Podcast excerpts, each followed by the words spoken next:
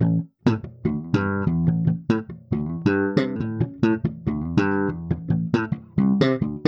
Good evening. Uh, today, this conversation, this interview is going to be in English since I have a very special guest, a master of many things. He was an escapologist. Some of you probably don't even know what that is, but he was like Houdini, Houdini, huh? and now he's doing a stand-up, per perfect stand-up career. He's a musician as well. Uh, today with me, Gary Michaels. Hello, Gary. How you doing? Thanks for having me on. Well, uh, thank you. Thank you for your time. Uh, I, I, guess you're quite busy with your YouTube channel, Let's Talk Comedy. Let's Talk Comedy, yes. YouTube channel aimed at new comedians. And um, this, yeah, it's been lovely to set that up. And to see people actually interested in watching the videos is also a plus. So, yeah. Um, you started uh, this YouTube channel uh, during the Corona lockdown. How come you decided to do it now? Yeah, um, it wasn't really something I was thinking about doing. I was running a lot of uh, comedy gigs in London. Uh, now I'm from Ireland, as you can probably tell by my accent, and I moved over to London in 2015. Started setting up the comedy gigs in about, I think I think it was about 2019, so not too long. And then the lockdown happened, and I needed something that was connected to the comedians that I got to know. I just wanted to be able to still create something um, to keep my foot in the comedy game a little bit. And I thought of the comedy, you know, tutorial channel because most of the gigs I was running were open mic gigs and people starting out. And I also did a few workshops before lockdown came in. So once lockdown started, I was like, I'll give it a go. I'll make a tutorial channel. And if people like the kind of style in which I communicate and the kind of points I think are important that people helped them along the beginning of the career, well, then great. And so I shared it to my comedians group on Facebook, and then it just took off from there. And since people wanted to see the to see the videos, I just kept making them. And so very quickly, I wrote out hundred episodes, and I'm halfway through making all them. So really, it was something to keep myself busy, stay in the comedy game, as well as, you know, study the, you know, how to present the ideas I knew about comedy. So like, if I thought something worked well on stage, I find it very interesting in writing out why it works, back to the basics. And so by me even teaching it on the channel is I'm remembering it for myself too. So it's also helping me stay sharp so that when the stages do open up again, I'll be able to well perform pretty much where I left off. So it was in that's an interesting side note to why I did it as well. So many reasons there, but ultimately to keep myself sane and to stay as busy as possible because it went from being so busy to the next day, Mar- March 16th, the week of March 16th, I think I ran six or seven gigs that week. And in the following week, I had nothing. All the venues shut. So it was from craziness to absolutely nothing. And then I was like, okay, I need something to do. And Another reason I did it was because people ask me sometimes what my favorite thing about being a performer is. And it's always been the same question, no matter what I am performing, if it's music or comedy or whatever it may be, it's always sitting down with other performers and talking about what we do, talking shop, talking the theory about it, how can we make it better, talking about writing, talking about how can we earn more, how can we progress, all those questions I love to talk about. And so I decided, well, since I love to talk about it, I'll just talk to the camera and see if other people want to hear what I have to say. So it's it's also it's very enjoyable for me to dig into the theory. I find that more maybe even more fun than actually the performing itself is to dig into the theory and why what works and why does it work. All those things are interesting to me. Have you had the chance, or uh, okay, let's. We have to mention that you were in a band in your teens and late teens, and you were a street performer. You're uh, of uh, of multiple talents. But uh, now that you're just, have you ever read any books on uh, comedy theory, perhaps? Actually, no, I haven't. Um, I I have not studied it in a way to sit down and and read up on. I don't think I've I read a few books on people like successful comedians' lives and stuff. I read a few of that, um, but they wouldn't be teaching. I've learned how to perform. Like 80% of my work has been street performing, as you mentioned. And really, I learned from other performers who would be traveling around. And so, if I was fortunate enough to have a performer come to Dublin and then go out drinking with them, and certainly when I was younger, like in my early 20s, I was doing a lot wrong. And although I had a small show, it, it needed a lot of work. And so I was fortunate enough to have a lot of performers coming who were way more experienced than me and told me all different small changes I can make. So all my my learning has come from listening to people who well we're doing it differently and then trying out what they said. And if something worked i kept it. And if something didn't work for me i i well threw it away. And i've always tried i've always tried to listen to what other people tell me uh, about um, changing it up and making it better. And i think people can help you out even if they're not more experienced than you. I think everyone has something to say about someone else's performance.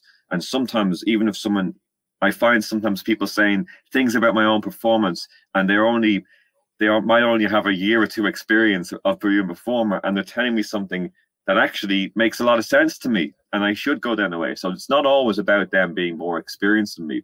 But uh, yeah, so in a nutshell, to answer the question, it all my learning has come from listening to others. And in the music, it came from just locking myself in a room with a guitar or a bass and hours and hours a day for multiple days. And yeah, now of course today everything is different. You can just look online and see countless amounts of um, people who really know what they're talking about uh, tell you exactly what all you need to know.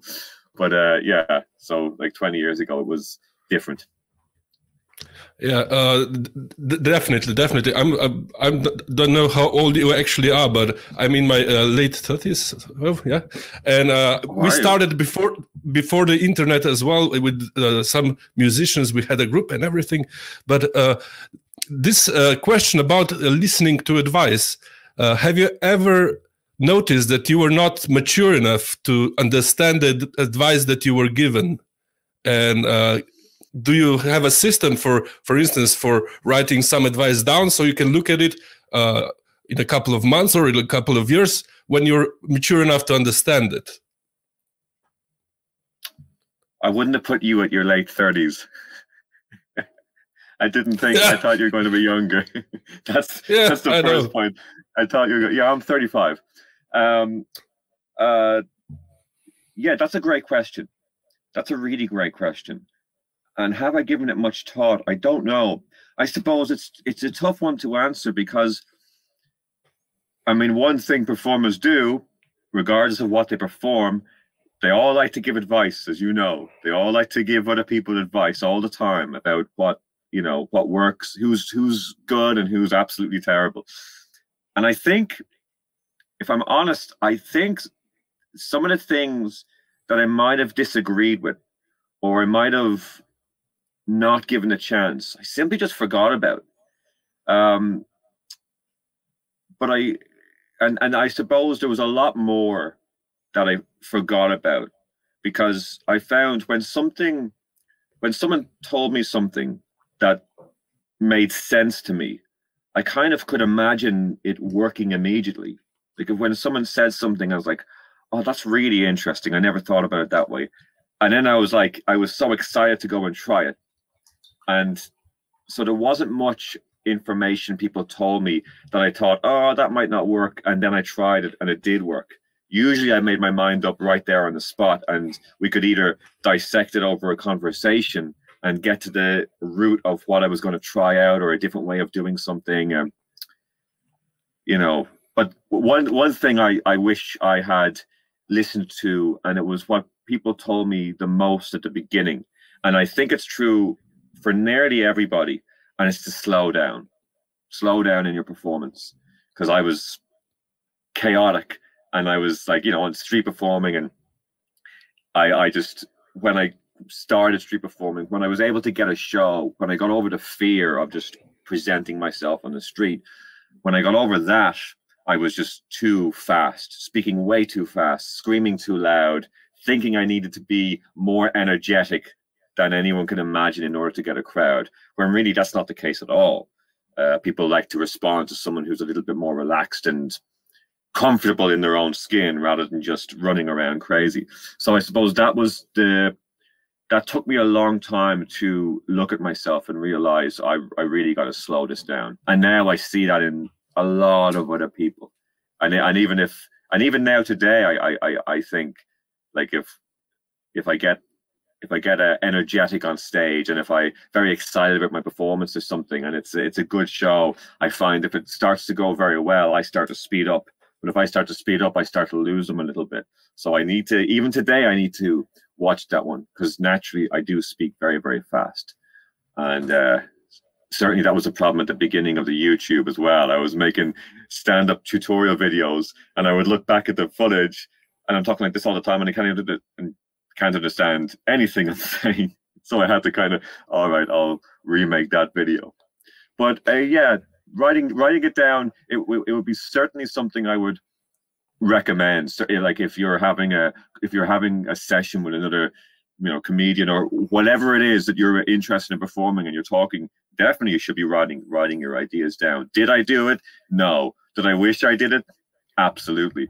Because um, sometimes after a couple of pints, some great ideas are flying around, along with terrible ideas, but some great ideas are flying around that no doubt would have benefited me if I was able to look back at them. So certainly something I'll try and do for next time. great, great. Um, did you look up to any of the greats uh, who were street performers or uh, theater performers that uh, crossed over into stand up? Of course, here have been uh, Steve Martin and Eddie Izzard the gods of comedy.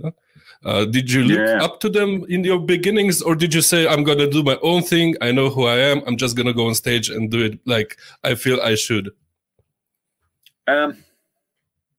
Yeah, I mean, like I was those particular comedians you mentioned, like uh, Steve Martin. Yeah, I mean, I'm a big fan of both. And Eddie Eddie Izzard um, started on well, for a period of time, he was a performer in Covent Garden, which is where I perform in here in London.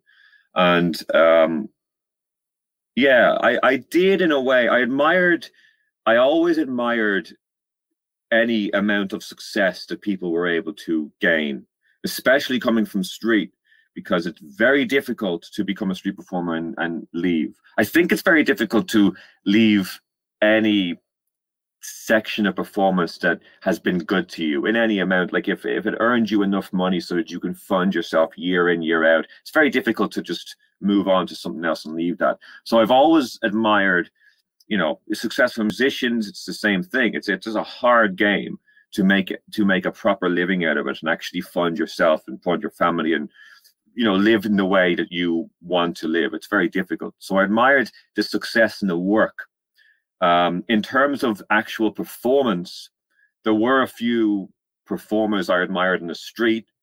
Um, and there's one in particular called Dave McSavage, who I would have grown up in the street watching. He was a comedian with a guitarist, absolutely incredible. Still today, maybe the best I've ever seen.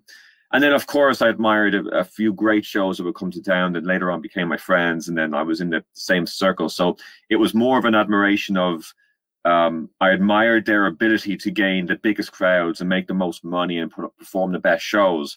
And it was an incentive for me to work really hard so that I could stand alongside them, so that I could be welcomed into the group. It made me work hard. I was like, well, I want to. I also want to have the biggest show in town, and it was it was exciting to go down that road. So maybe so admiring is the right word, but for possibly the different reasons than not necessarily enjoying the material as an entertainment point of view, but more enjoying how they engage with the crowd and the success they were able to gain is is admirable.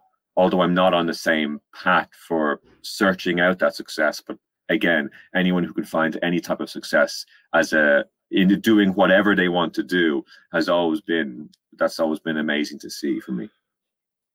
Great, great uh, I myself have no experience in uh, uh, street performing, but uh, I guess you you want to catch the attention of the audience that are doing their normal stuff that day, and here in stand up, actually, you have the luxury of having the attention, and you have to say something. But do you have to play to the audience or do you perform now, now what you want to say? Or do you still have that like i guess it's the mentality of street performers to to catch them in a net and entertain them and be very quick with the jokes and with the action and with gesticulation and everything um, so do you still use this street performer I guess this street performer mindset, or do you do now like, okay, I have your attention, I'm gonna tell you something that I think about the world right now? Yeah. Oh, these are burning questions. I'm enjoying this. This is looking into my soul. Um, yeah, I think that, that is that is the huge difference. It took me a while to now I've always performed stage alongside street. Not as much stage, but I've I've always performed in there. But what I was performing was, you know, variety like, like like escape shows, like a uh, straight jacket escape or a knife juggling on like a burlesque show or a cabaret show or something. And I thought that moving into comedy, stand-up comedy, it was going to be very similar. I thought it was going to be the same. I thought that well, I just go on stage and tell jokes, and it's it's so different. I I was I was shocked by when you're doing a setup for a joke, like you're telling them a piece of information, and then you're going to give the punchline. So you're telling them information, but the silence in the room when they're listening is like nothing else. There's no other type of silence when people are actually listening to what you're saying. Because in the comedy, it's, it's like, yes, they're there to laugh, but they're there to laugh if you're funny. At other nights, it's they like at a burlesque night or a cabaret night, or even on the street, if people kind of stop, that's them saying, I'm going to be into what you're doing. You've already made me stop. That's a huge thing when someone stops to watch your show on the street because you know they, they've told you that they're open to hearing what you have to say. With a comedy, the audience, it's kind of like you have to prove they will listen, but you really have to prove that in the first few seconds of your show that you can make them laugh. On the street, you don't need to do that. You can you could just play out big props and play music. Now I chose not to. I chose to talk. But even in the talking, you don't have to make them laugh. It's plus if you do, it's a great thing to make them laugh at the beginning, but you can just be interesting. You can just be moving props around. You can be telling them what's about to happen. You can be telling them what you're going to do, or you can be talking to people as they're walking by. Anything that just puts interest on you. And people will wait for a period of time for a bigger crowd to build. And even the crowd building within itself can be interesting to people watch as they stop and they look around and go, oh, now there's more people here. Oh, this is going to be better. And you do small tricks and you build it up. With a comedy, stand up, you only have to do one thing, make them laugh. So you better get to it as quick as possible. So that was the that was the difference mindset I had to get going on. So I very quickly found out that the only thing I take from street performing that I bring onto a stand-up comedy stage is probably the confidence and I and and the perception as well. I can I can read a room pretty quick knowing what it needs. But the hard part is well, being able to deliver exactly what it needs at the moment. Like, do the audience need to be brought down a little bit? Do they need to be brought up? And so, yeah, I, I go on then. I try and leave as much of what I learned on the street behind. And I would have a lot more punchlines if I was on stage doing stand up or if I was on stage emceeing a show. I'd have a lot more punchlines. I would get them laughing a lot quicker. And then I would use, I would use uh, ways of, letting them know who I am at the beginning of the set as quick as possible. And what I always say to anyone starting out is to be likable as quick as possible. Because yet again on the street, because and in other venues, you can do an interesting thing.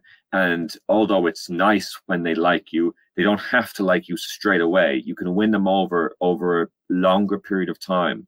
Whether in stand-up I think the important thing to do as soon as you walk onto the stage is to figure out how to get them to like what you're about, how to get them to like your presence on stage, the way you communicate, the way you talk into the mic, give them a few moments just to listen to your voice. All of those things I started to learn this is really important here. I need to get to this, you know, because once they like you, they'll laugh at your jokes. You, if your jokes are good enough, once they like you, at least they'll be open to listening to your jokes and then if they laugh, they laugh. So yeah, I, I try and leave as much uh, theory I've learned for, on the street just for the street, because it's such a different ball game. And I'm not going to say it's harder because I don't think it is, um, but it's it's just so different. Um, yeah. Well, uh, I I can't ima imagine still now after a couple of years in stand up of doing a street performance. Uh, I had a couple of friends who are street street performers, and whew, it's it's a different beast, I guess. Uh, did your stand up experience influence your street performance as well, perhaps? Um, yes, yes, it did. Um, I always I was always a speaker. I always wanted in whatever show I did. Obviously, not with the music. I was a bass player for for quite a long time, eleven years and stuff.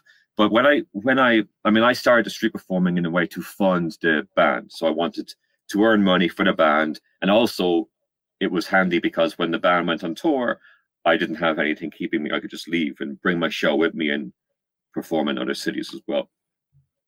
But uh, yeah, the the, the stand up did make me uh, better. I suppose maybe not funnier because that was just that's just progressing as it's progressing, you know, in a in a natural way. But what it did do is I think it made me speak to the audience in a better way. I think it made it made me uh, gain the ability to focus the audience more on when I just had the microphone. Whether before I did stand up for a while, it was a little chaotic. It was a little, the energy was a lot higher. And when I was talking, I was always holding a prop or holding something. And the jokes I was telling, although it's nice when they have a laughter, they weren't as important. If they didn't get a laugh, it doesn't matter because what I'm about to do this juggle thing, or I'm about to do a magic trick, or I'm about to do something. And that was always the focus. Whether when I went to stand up, I was able to gain the ability as having the joke be the focus for a brief period of time. And when I get a couple of laughs with that, then move on to the trick that I'm that I'm presenting. So it was it was it was the show could be broken down into sec- sections, and I got more confident in my ability to tell jokes in front, uh, you know, and stand up a little bit, like not not hugely, because I think the confidence mainly did come from from the street performing, which I started way before stand up but but it definitely helped, and it was obviously great to gain the experience of performing in different stages, which I'm always telling people to do. To you know, tell comedians not just to perform at comedy clubs, but to to seek out as many different performances that they can and as many different styles of shows especially for an audience that don't go out to see comedy because everyone enjoys a laugh and if you're there at a conference or at a cabaret night or whatever it is, and you're the comedian on stage, that's that's great for you because people might not be conditioned to be to see comedians, and you go up there with a fresh audience who haven't seen comedians on that on in that night,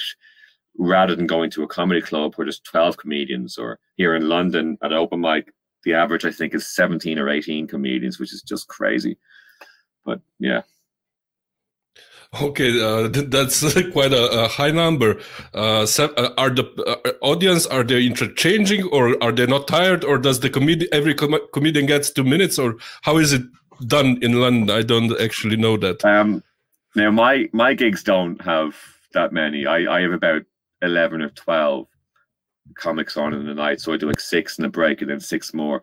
But some of them, yeah, there's there's sometimes there's some nights here have rules there's what's called a bringer night, and that's where a comedian has to bring a friend with them, one or more friends with them, in order to get on stage and perform.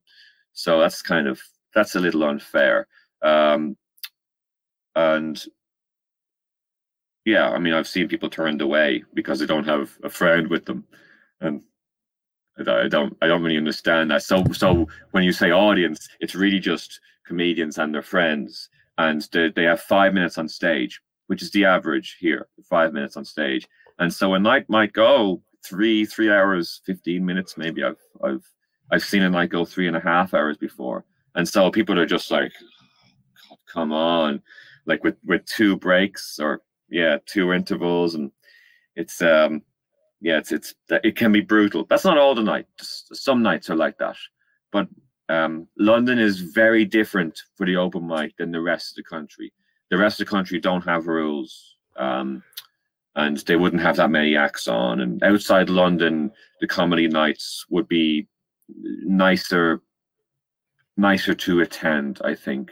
I'm not saying necessarily better, but nicer, nicer to attend. Because I think better is a strange word when it comes to a gig. But yeah, London is a crazy. London's a crazy place for uh, for comedy. I think there's.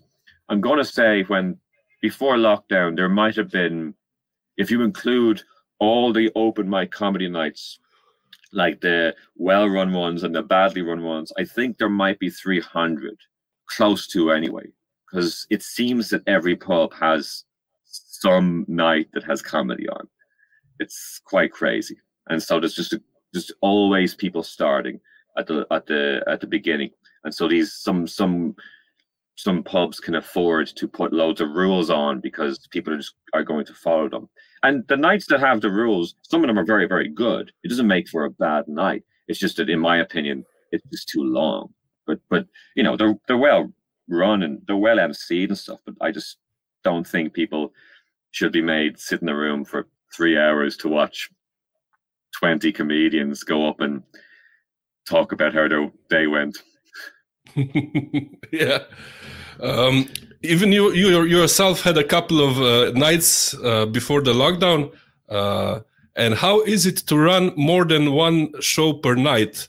Uh, I know as an MC, you do the crowd uh, motivating, and you can just do the comedians like, oh, here's the next comedian, or you can do some material as well. Uh, how did you do that when you had multiple performances in one night? Um, yeah, it was tough. At one stage, uh, the, the craziest it got, I believe, was I'm going to say November of 2019. Yeah. 2020, yeah, 2020, yeah, November of 20. It's tough to know what timeline is with this lockdown, but uh, November of 2019, I was running 10 nights a week. And so I usually I didn't do two gigs on one night because usually I got someone in to another comedian because I had some nights set up that you know new comedians can just MC if they wanted, just to gain the experience. And so I I, I kind of set that up for comedians. So that so that was a that was a happening a little bit, but nearly every night I was MCing, and I really liked MCing. I think MCing was. I think MCing is a natural middle ground between street performing and between stand-up comedy, because I've I found that another a friend of mine once told me a very interesting thing where he said he says street performers like to MC because it's we we bring up the next act like we're presenting a trick. So if I was going to juggle fire, I put as much into telling the audience that I'm going to juggle this fire to get them interested.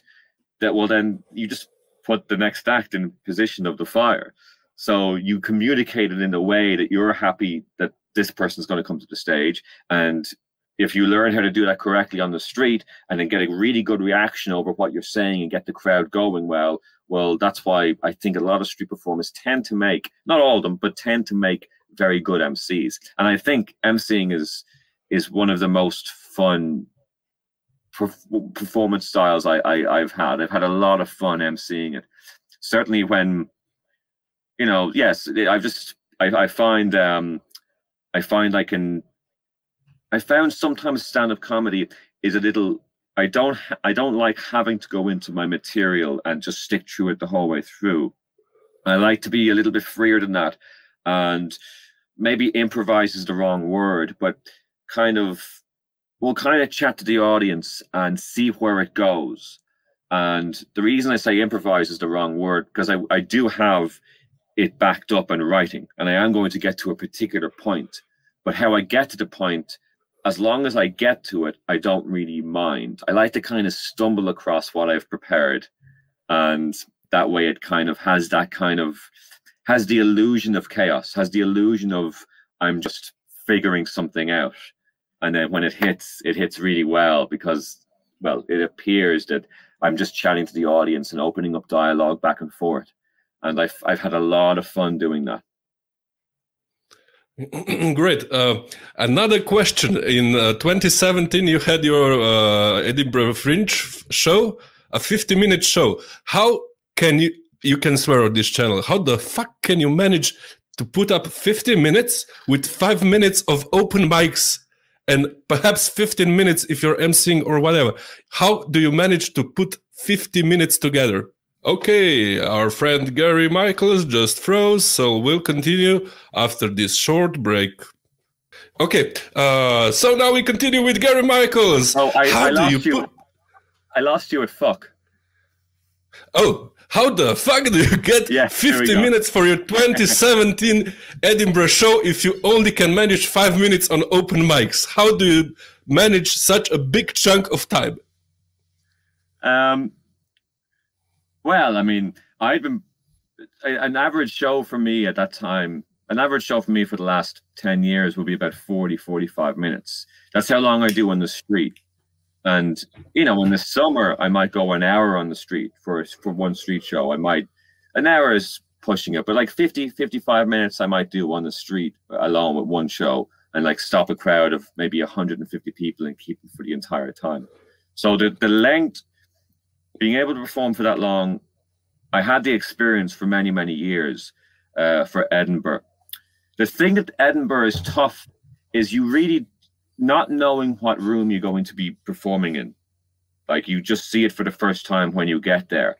And that's the major that's that's the case for the majority of people, I think. They, they they see the venue for the first time on the first day of Edinburgh, and then you have to work around that. So and and my venue was a cupboard. It was like it was it was pretty terrible. It was there was no microphone. There was it was it was as bad. There was a sink in the room, and there was just uncomfortable chairs, and it was it was not very nice. And so I had to. So it was perfect. So it was very yeah.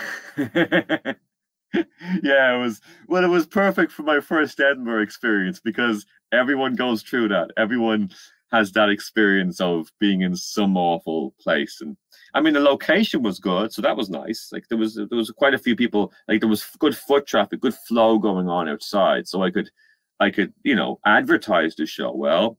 The attendance was was okay, but in terms of creating a show, I did at that time I did um, a comedy music show.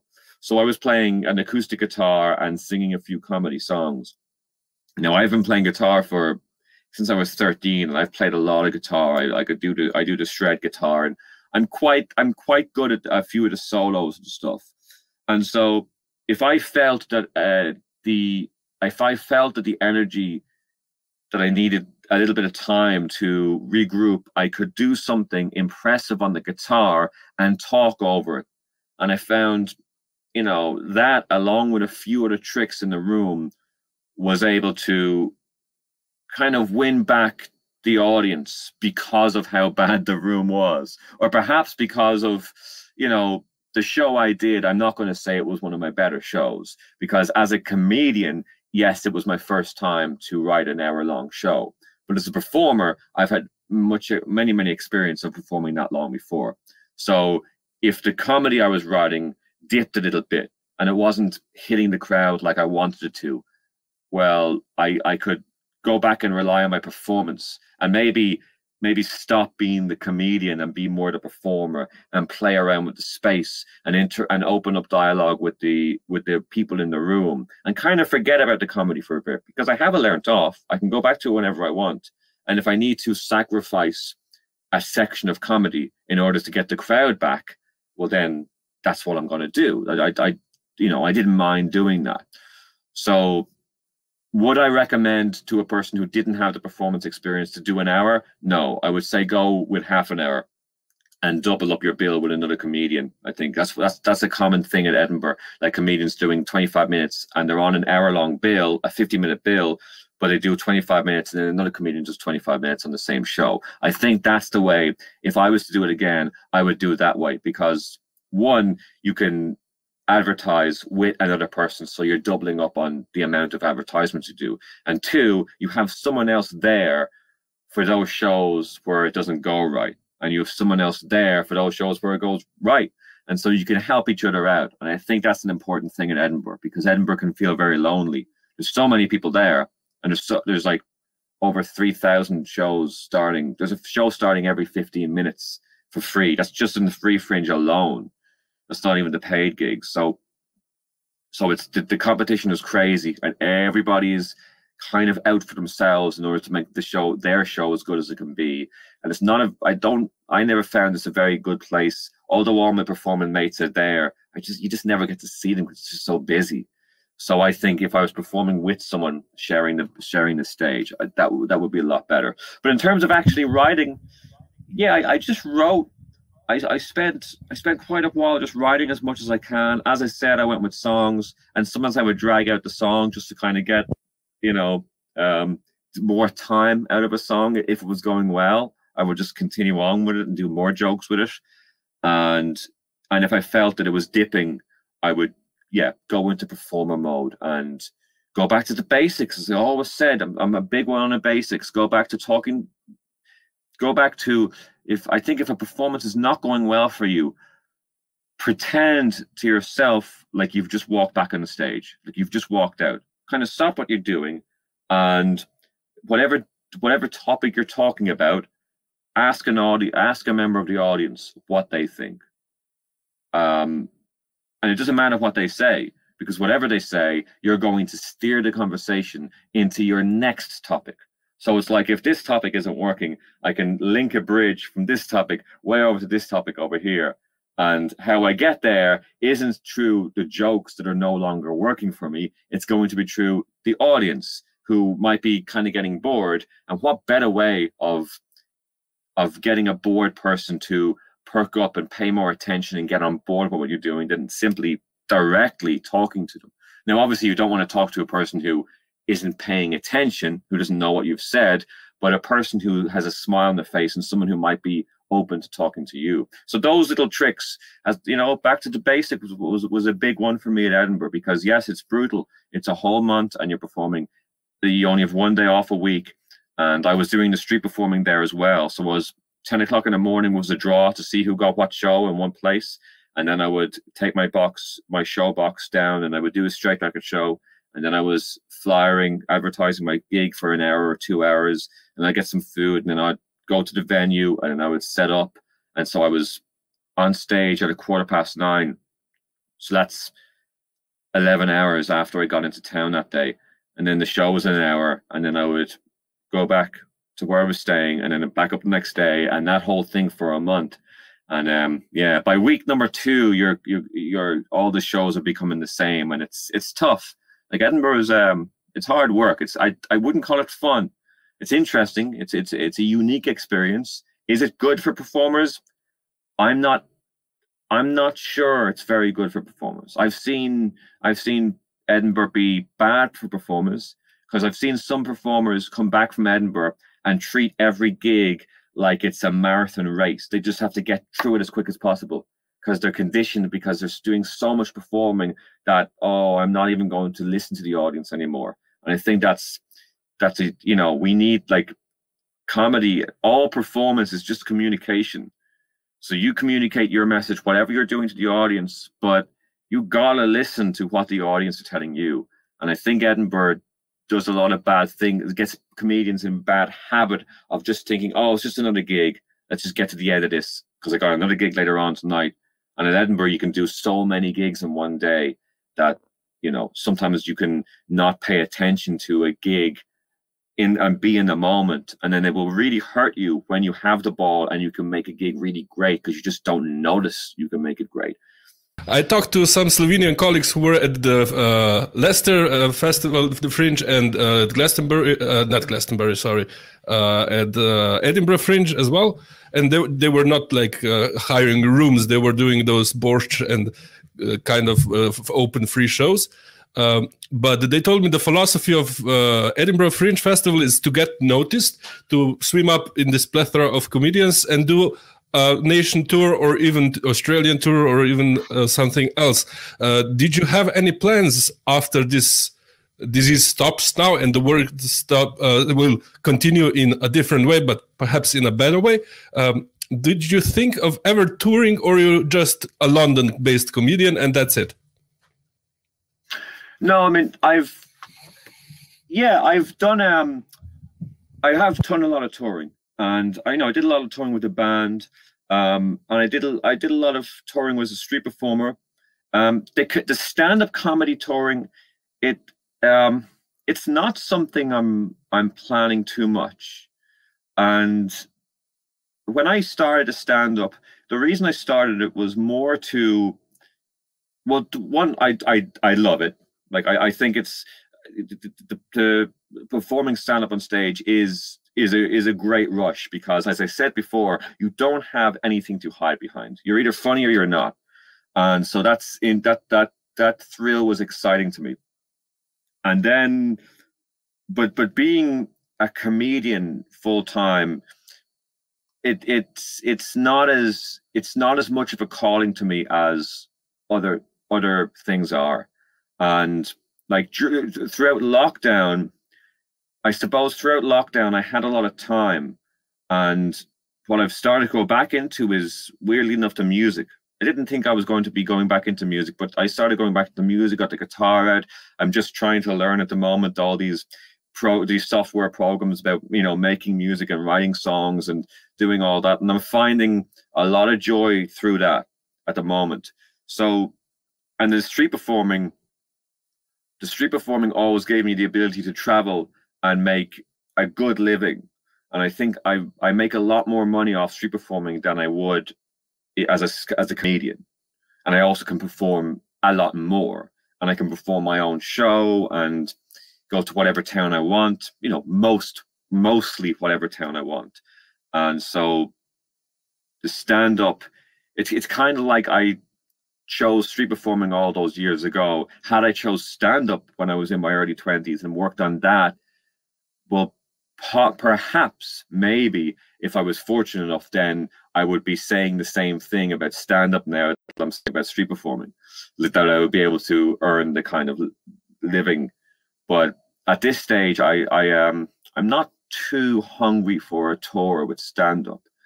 Um, and to go back to the point you made about the Edinburgh thing, yes, it's true that a lot, a lot of comedians um, do Edinburgh to kind of rub shoulders with some of the more successful comedians.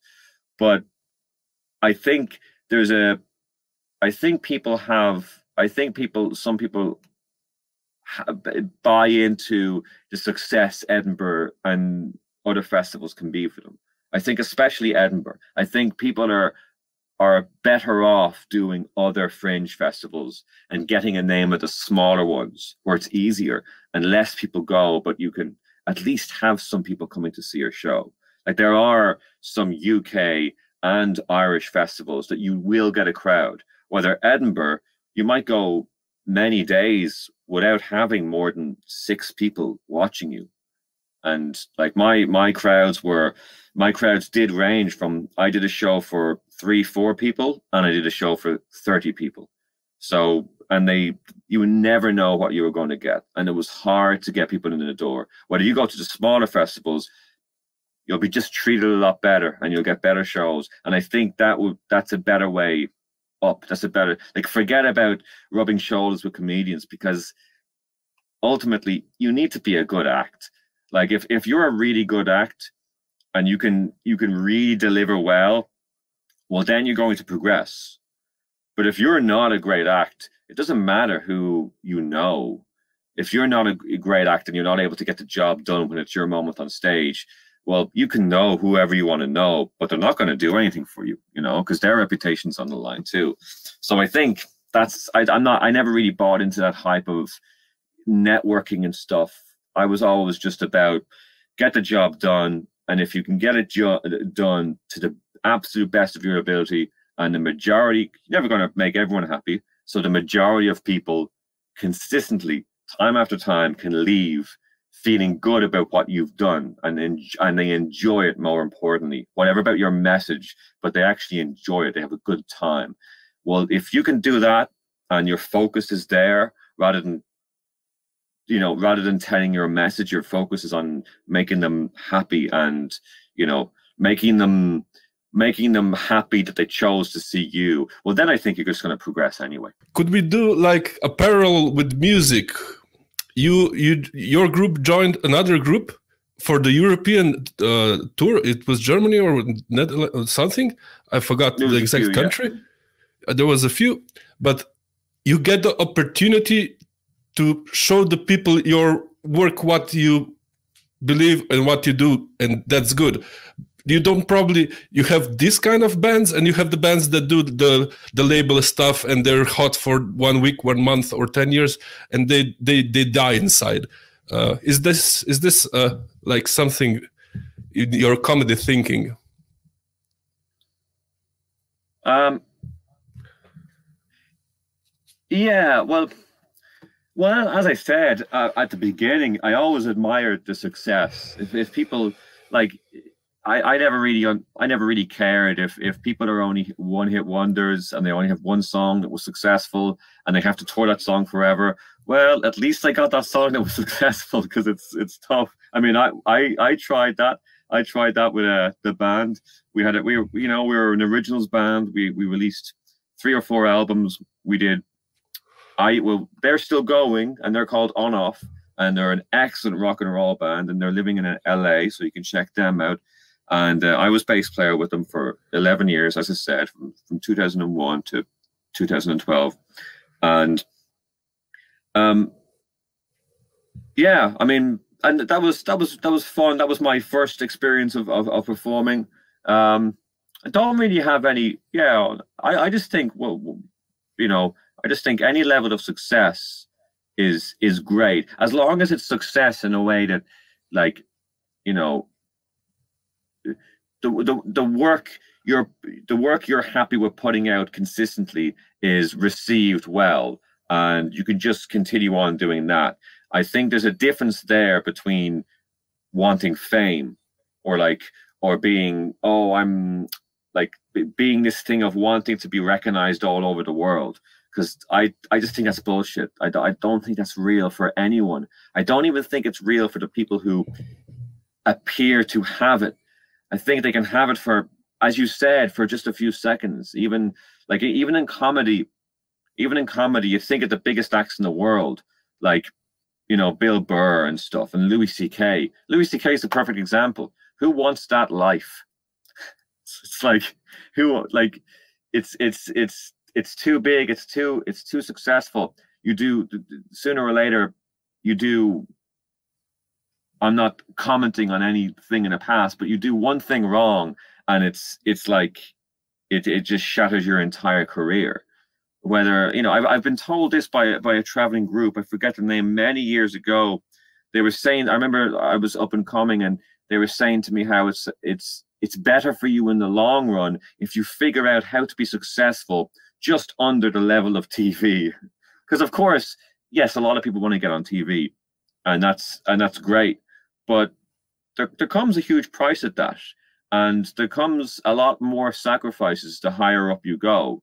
And this thing about this, it's a young it's a young person's thing. This thing of wanting fame, but I don't really believe any of them would want the life of a of a legitimately famous person because it's brutal. It's you're just traveling you're just traveling all the time. If, if you're that if you're that successful, it's it's it just never stops. You have interview after interview. You're doing five or six interviews a day, and then you got to do the tour. And so you're never whatever home is, you're never there. And so you might have all the money in the world, but you're just you're just a you're just a product at that stage. So I, I was never really interested in that. Um, I never really understood that did I want to, you know, so I shoot for as good as I can be. And yeah, I want to progress in the career. But this thing about this dreamland thing that people seem to have that's not connected to anyone's reality, that I, you know, I don't, I just don't really understand that. Um, because in the end of the day, I, I just found more joy to go back and figure out the basics of something I don't understand and put it out in the world and see if people respond well to it. And if I can make a living out of it, then then that's all I need. Great, great.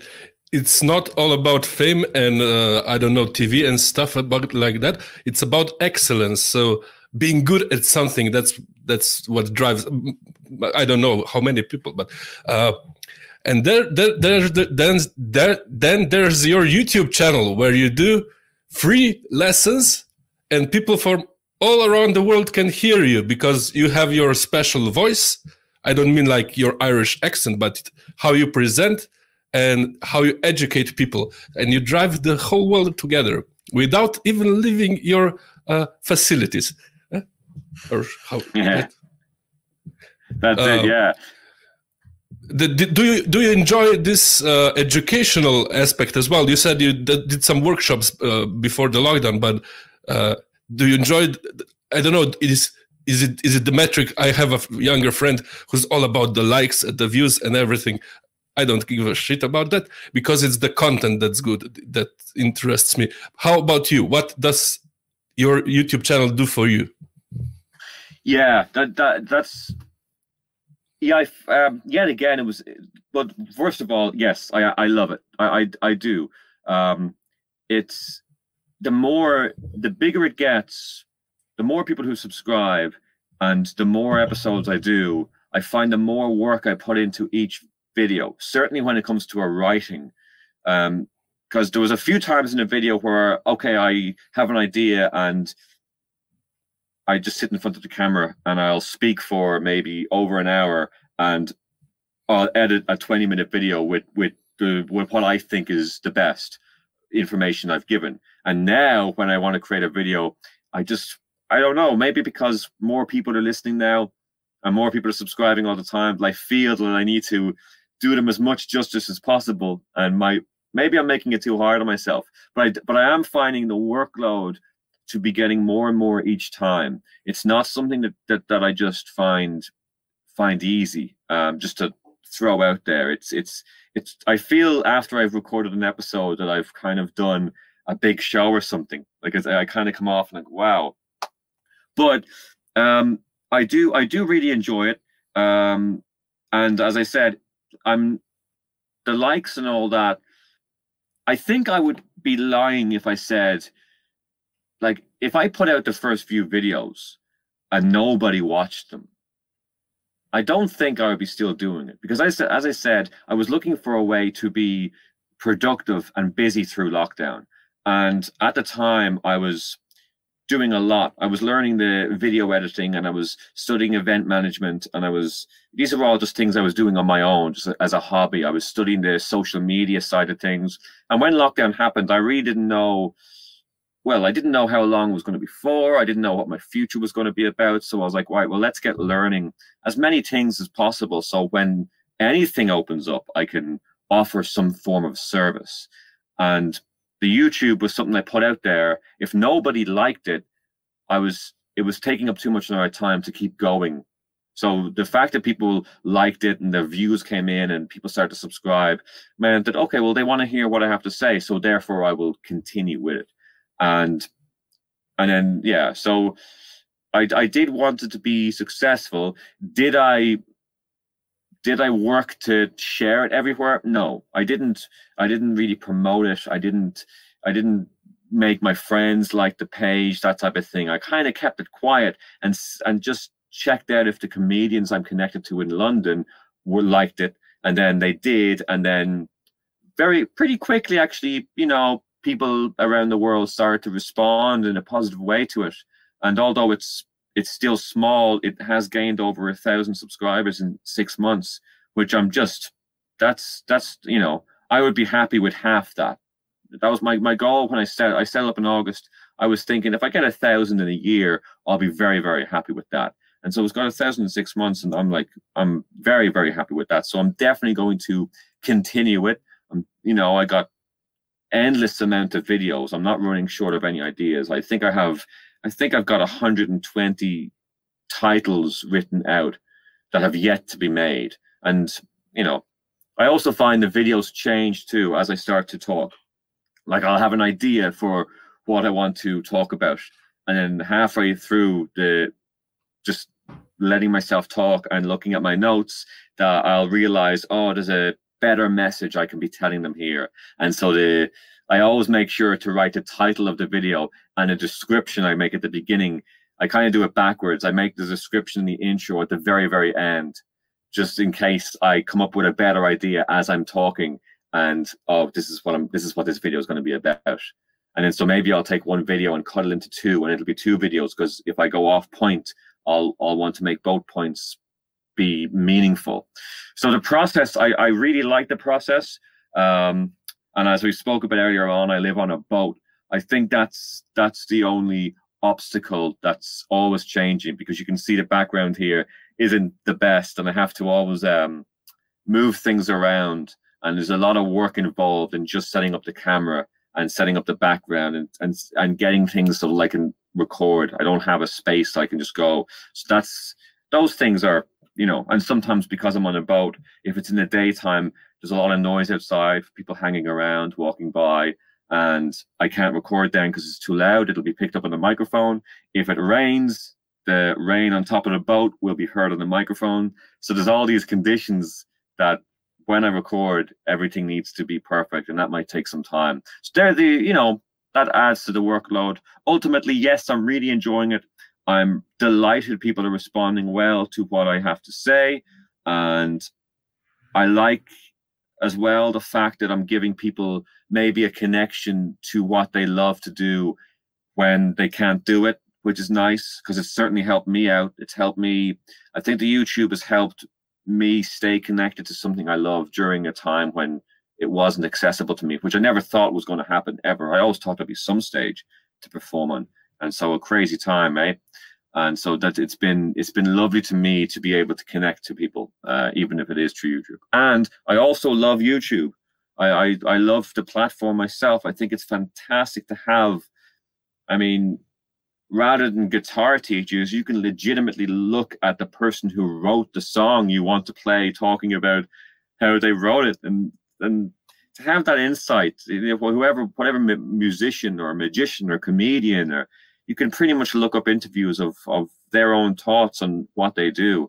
And what a, what kind of an amazing platform is that? So, and I was a fan of, you know, I looked up my my competitors, I would say, although I don't I don't view them as that at all. I looked up the other comedy channels, and you know, there's some great comedy tutorial channels dedicated just to comedy, and um, so I wanted to make sure I was doing something different than them. They they they speak a lot about uh, writing, and I think I've got less videos on writing comedy than I do on performance because I, I would argue sometimes the performance. I'm not going to say it's more important, but sometimes I feel people overlook the performance and they just think, well, if my jokes are good at writing, then I should be good on stage. And I think that's a shame. I think that's um, that's creating a lot of of good writers but a lot of deadpan style acts that haven't thought about how they present themselves. And the reason I want to talk about performance and about communication and about how you present yourself is because I know I'm aware I'm talking to a lot of people who might not be, who might not turn into professional comedians and who might not want to turn into professional comedians. They just want to develop as a comic for a period of the time and experience that. But I think there's a lot to learn of about how to go about your life to be a better person through performing well. Because communication is everything. If you can communicate well you can do business deals. You can meet people easier. You can you'll be able to gain more confidence a lot easier if you know you can communicate in a you know in a situation. And if you know you can read a room in a situation you know at a party how to conduct yourself in the best way possible. I think there's a lot of life lessons to be learned from learning how to go go go down well in a basic five minute set or a ten minute set. So yeah, so and, and that's another thing I would love to offer uh, through the yeah through YouTube and yeah keep it all for free. Why not? Well, uh, the best things are free. Uh, why yeah. not? Why not? Why not sharing your knowledge? Uh, it, it enhances your knowledge because you you have to distill your thoughts, as you said yourself. That you you you prepare some topic and then you find, oh, I wanted, I can say this here, and I'm gonna split it up. And uh, I think that's perfect. That's perfect. I'm quite interested in the comedians who start who starting uh, stand up now in the quarantine times uh, since mm. uh, when you first uh, step on the stage, it's quite a different feeling, and uh, it's very oh, rewarding, yeah. of course. And, and, um, and it's tough because when. I was when I was asked people people obviously you know people ask us all the time what you know what what advice would you give i'm sure you get it all the time what advice would you give new comedians and before lockdown i would just say like well i've already said before be likable just focus on being likable the laughs will come after like go up on stage with the jokes you write but do it in a way that's likable because a lot of times I think people are trying to copy successful comedians. Certainly, I, I I always say Bill Burr. I see so many young young people trying to copy exactly what Bill Burr does and not realize that he actually has charisma between his insults. He wins them over first, and so that's number one. Be likable. But I think number two is don't listen to anyone until you get to gig number fifty or maybe even gig number hundred, and keep getting on stage. Just look at the next gig. Think about like think about it in the terms of like, you know, the more you do something, well, the better you're gonna be. It's like it's, it's some for some reason people think that they're a finished you, new like amateur com- comedians think they're a finished product after like their fifth gig or something and it's like but you can't do anything after your fifth time doing it if you picked up a guitar for five times, you can't even still play a song. If you picked up three juggling balls five times, the chances of you being able to get 10 catches are pretty minimum. So you're just such a, all you are is um, um, potential. It's just potential at the beginning until you get to gig number 100. And then you can listen to people when you get to gig, the, your appearance number 100 on stage, because then you'll be able to understand what it is they're talking to you about in the ways that make you better. And at gig number 100, you can listen to them or you can tell them to fuck off. Either way, you have your opinions and you have your reasonings to be the way you are. But before then, you know, don't ask anyone, you know, like uh, listen in whatever way you want to listen and and and you know but if someone tells you oh, you shouldn't do this joke or you should do it this way. That's why I'm not so much about the writing because the writing is so personal and you know and i also believe a bad joke can be made funny with a good performance um but i think if you're a bad performer a lot of great jokes are going to be lost because your timing is off and your the way you hold a mic and the way you move in the stage or you might be paid you know the amount of times i've seen great like good writers but they're walking across the stage so fast that you, you know you're, you're, like this. And then so you're not listening to anything that's going on or else they just look like this. They look at their feet and they mutter the line. And i might hear the line going that's actually really funny but you just didn't present it. You didn't perform it. So it's, it's not all of you know I, I would say to them it's not all about you know, not all about the writing. You know, you should continuously do the writing, and it should be a part of your expression. But I think um, when you're on stage, you should be really paying attention and communicating. It's it's you're you're telling them something, but are they actually listening? Do they have smiles on faces? Are they upright in their seat? Are they happy that you're on stage? All those questions, like what section of the room is closed off to you that you might need want to open up.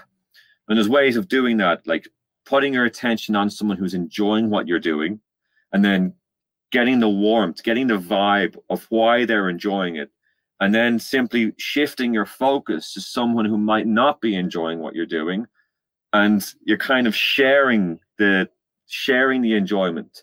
I mean, you can even be real bold with it and say and talk to the person who's liking it, and then talk to the person who's not liking it, and see if you can bring over some of the positive energy. So there's all these kind of interesting, yet quite basic ways of playing with it, and um, we spoke earlier on about about her learning. I didn't read the comedy books, but I certainly read the behavioral books, and I read books on body language, and I learned, and I read a lot of books on communication, and I think that that helped me through the years too. I'm, and I'm continuously reading those types of books too.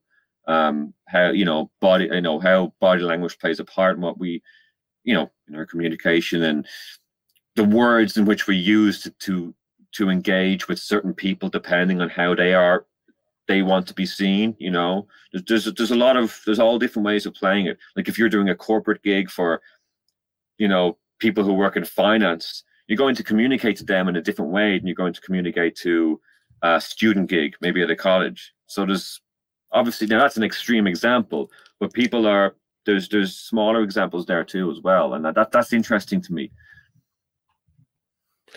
Perfect, perfect advice, perfect advice.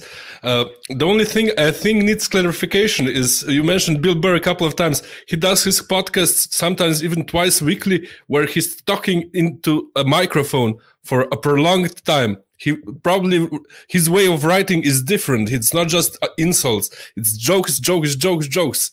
And uh, if in our country now it's time for skiing. If you go for skiing once a year you're not going to improve as a skier. You have to be methodical go a couple of times and always correct one small detail that uh, is hindrance to bettering yourself. And it's the same with comedy. You, you should do 50 and 100 gigs of course but always think of what you you could uh, manage like a bit a little bit better. Or absolutely did did you ever get the advice that was like a total opposite to what you were? Not like just uh, small corrections, but like 180. Uh, put on a tutu and dance. um, I've got some. Yeah, I've got some people. Um, uh, yeah, telling me weird things over the years. I think one. I think when I came to Covent Garden, when I moved to London, a person, uh, a mate of mine who, who's been performing long, long, long time, he told me to take, now this was my street show, it wasn't my stand up, it was my street show. He said, because I was having a, at the time, I was having a weird time with the jokes. I, I felt that I was going through a small period of time where the jokes weren't hitting the way they used to. And I was having a hard time figuring out why that was. And of course, you go through moments like this sometimes, you know. But this particular time, I was like, I'm not figuring out why I'm not getting the laughs that I'm used to in the same space, doing the same show. I'm like, all of a sudden, and he's he said, take out all the jokes. So just do the straight jacket. Just don't do any jokes, and then do that like two or three times in a show. Now, as I said, you can't really do that in stand up. You got to do the jokes. But in the street, you can just do an interesting show and get the person. And of course, there was still some laughs because when I took out all the jokes that I prepared, well, now I'm just talking naturally.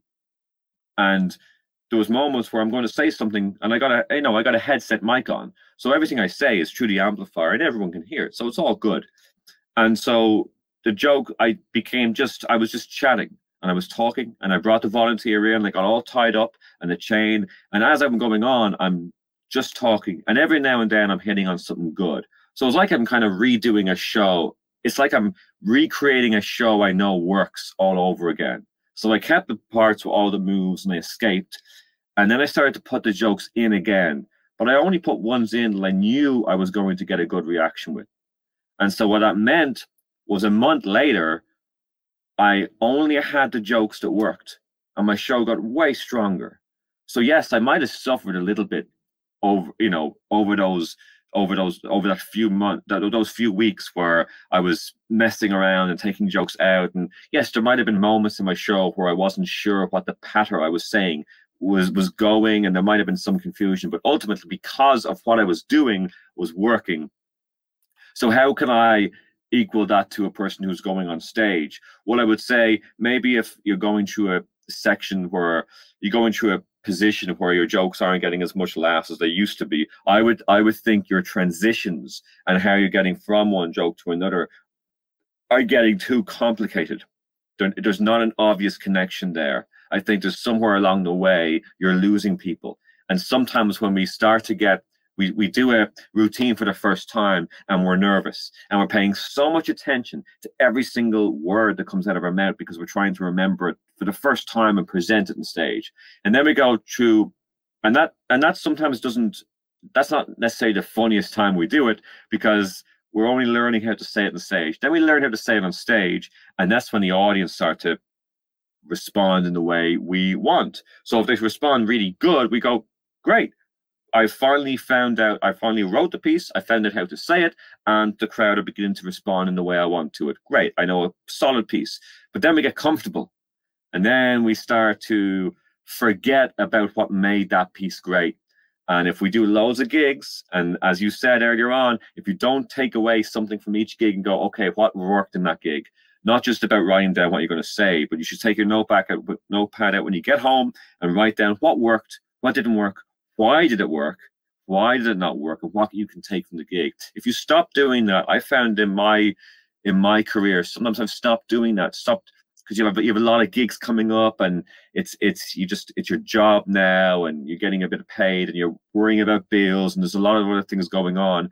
And then if you really look at exactly what it is you're doing on stage you've you'll probably realize that somewhere along the line your the communication you're telling the audience is very complicated like you might think it's not because you understand it but you've got so used to telling the bit that perhaps the setup you've taken it out without even noticing or there's something missing, or maybe you're adding something in that's not needed and you're giving the audience too much to think about before getting to the actual punchline. So lots, lots, lots of um, lots of ideas there. Great, great. And I uh, just wanted to mention for young comedians, uh, this is a recording device as well. You can record your shows and review them afterwards. Who would have thought? Who would yes. have thought? Always record um, your show. Record every show you do. That's so important. Record every time you're on stage. Never think, oh, I'm just going to go up and not record this time, because that's probably going to be one of your best performances. The amount of times I haven't recorded and I perform so well, and I go, oh God, I didn't have that recorded. And then you bring the recording equipment to the next gig and die on your arse. exactly, exactly.